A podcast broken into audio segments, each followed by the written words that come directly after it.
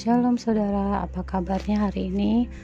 Saya berharap kita semua sehat-sehat, baik, selalu karena Allah kita hebat, dahsyat, dan luar biasa. Malam hari ini eh, saya mau membagikan tentang hal berdoa di dalam Lukas 11 ayat yang kedua Jawab Yesus kepada mereka, apabila kamu berdoa, katakanlah, Bapa, dikuduskanlah namamu, datanglah kerajaanmu. Dan kita bisa lihat bahwa kita harus terus mengundang Tuhan dalam hidup kita. Kita harus dikuduskan, yaitu tubuh, jiwa, dan roh kita harus kudus, harus fokus, dan harus terus memikirkan Tuhan saja. Dan kita harus terus mendatangkan surga dalam keluarga kita, dalam rumah kita, terlebih dalam hati kita. Kita terus undang Yesus di dalam hati kita. Dan kemudian pasal yang ketiga, berikanlah kami setiap hari makanan kami yang secukupnya. Nah, maka uh, kita kalau kita bersyukur, selalu bersyukur, pasti kita akan mengatakan bahwa uh, Tuhan cukupkan kami buat berkat yang kau berikan pada kami baik itu kita dalam kekurangan atau kelebihan tetapi kita berkata kepada Tuhan terima kasih atas berkat um, baik jasmani maupun rohani yang secukupnya yang kau berikan. Seperti itu. Dan pasal keempatnya dan ampunilah kami akan dosa kami. Sebab kami pun mengampuni setiap orang yang bersalah kepada kami. Dan janganlah membawa kami ke dalam pencobaan Nah, kita juga belajar di sini bahwa kalau kita harus mengampuni kesalahan orang-orang yang telah melakukan salah kepada kita karena Tuhan Yesus sendiri mengajarkan kita untuk mengampuni dan mempunyai kasih karena ciri-ciri anak Tuhan adalah harus punya kasih. Kasih itu menutupi banyak segala hal terutama dosa juga ya dan maka itu kita harus mampu mengampuni dan melupakan dosa-dosa masa lalu. Dan kita jangan menengok lagi ke belakang tetapi kita terus menata hidup kita ke depan. Dan jangan memikirkan hal-hal yang tidak tidak berkenan sama Tuhan. Pokoknya dosa-dosa masa lalu atau kesalahan orang lain kita nggak usah ingat-ingat lagi.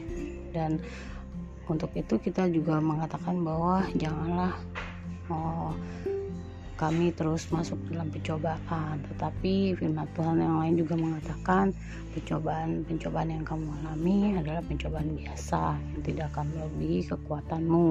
Karena Tuhan sudah ber, mengatakan bahwa firmannya seperti itu. Dan pada pasal yang ke-9 dalam Lukas tadi ya Lukas 11 ayat 9 oleh karena itu aku berkata kepadamu mintalah maka akan diberikan kepadamu. Carilah maka kamu akan mendapat. Ketoklah maka pintu akan dibukakan bagimu. Puji Tuhan ini adalah hal yang luar biasa yang Tuhan uh, nyatakan firmannya bahwa kita ini orang kaya loh anak Tuhan yang kaya yang selalu firman Tuhan katakan kita boleh minta apa yang kita yang kita inginkan. Tapi ya kita harus tahu juga uh, apa uh, kewajiban apa yang harus kita jalani dan jangan kita hanya meminta hak, kita kepada Tuhan tapi kewajibannya kita lupa ya.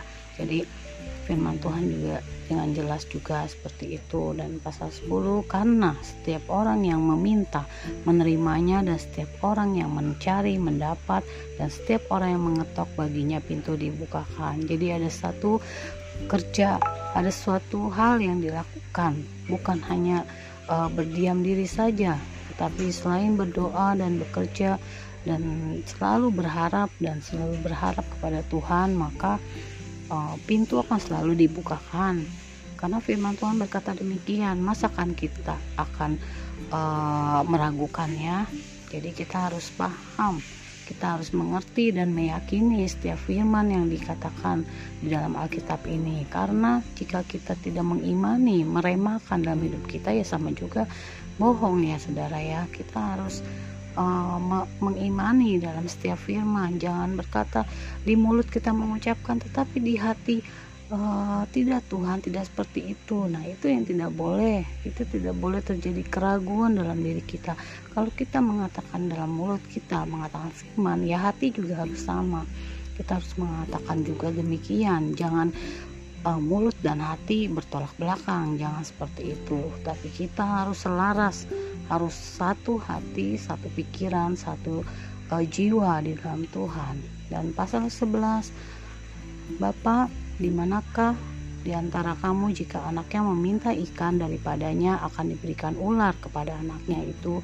Ganti ikan ayat 12 atau jika ia minta telur akan diberikan kepadanya kala jengking pasal 13 jadi jika kamu yang jahat tahu memberi pemberian yang baik kepada anak-anakmu apalagi Bapamu yang di surga ia akan memberikan roh kudus kepada mereka yang meminta kepadanya ya kita jelas sangat jelas di sini bahwa sejahat-jahatnya anak Tuhan setiap orang yang melakukan kejahatan ya hmm, setiap orang tua mungkin melakukan kejahatan dan juga uh, dia tidak akan tega ya kepada anaknya ya. Dia pasti memberikan yang terbaik buat anaknya ya. Dan kita ini orang yang berdosa pasti memberikan yang terbaik buat anak-anak kita.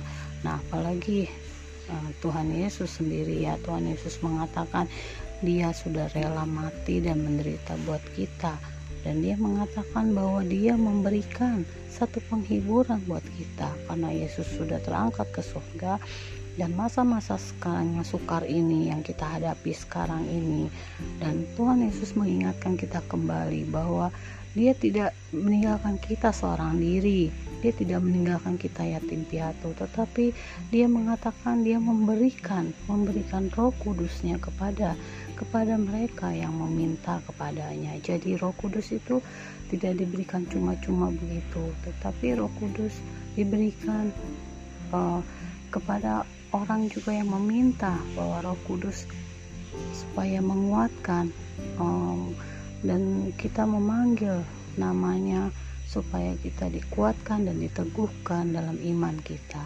Karena jika kita tidak menguatkan iman kita jika kita tidak mengandalkan roh kudus maka kita tidak akan sanggup berdiri untuk menghadapi setiap masalah persoalan apa pun itu di dalam kehidupan kita.